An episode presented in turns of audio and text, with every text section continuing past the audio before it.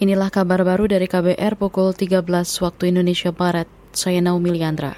Dewan Perwakilan Rakyat DPR tidak menampik ada pimpinan alat kelengkapan Dewan yang belum mengisi laporan harta kekayaan penyelenggara negara LHKPN sepanjang periode 2019-2021. Anggota fraksi PDIP DPR Arya Bima mengatakan pengisian LHKPN kerap terkendala hal-hal teknis. Dia mengklaim hal itu bukan tindakan yang sengaja dilakukan anggota Dewan ya mesti akan ditanggapi positif oleh partai. Kenapa LHKPN tidak dilaporkan kan ketentuan. Moga-moga bukan saya ini ya. Aku juga lupa-lupa ingat LHKPN. Tapi sekali lagi saya yakin bahwa teman-teman tidak bukan sengaja tidak melaporkan, tapi mungkin pelaporan itu juga bukan yang mudah. Kalau saya tidak punya PT, nggak punya perusahaan cepat, karena kan bolak-balik mas. Mengisinya kan lama, dan itu harus diisi tiap tahun.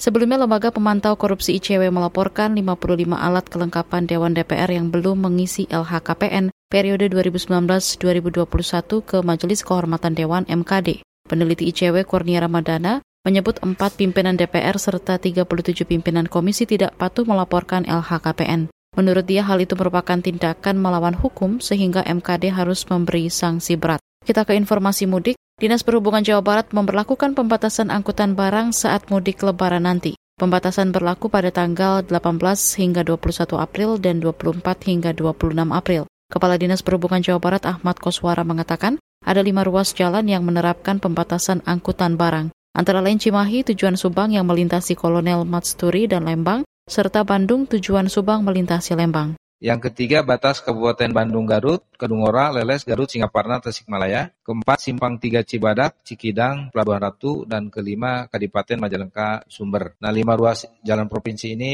dibatasi untuk operasional angkutan barangnya pada tanggal-tanggal tersebut. Itu tadi Kepala Dinas Perhubungan Jawa Barat Ahmad Koswara.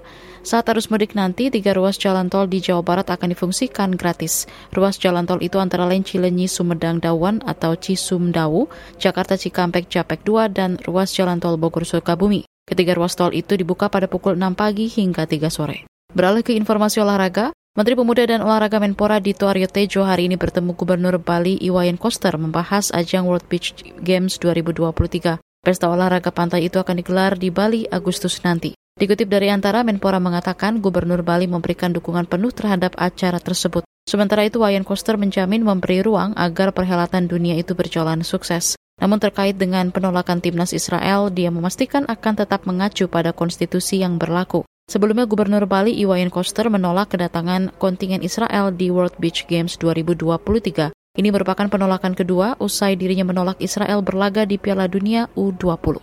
Demikian kabar baru saya Naomi Liandra.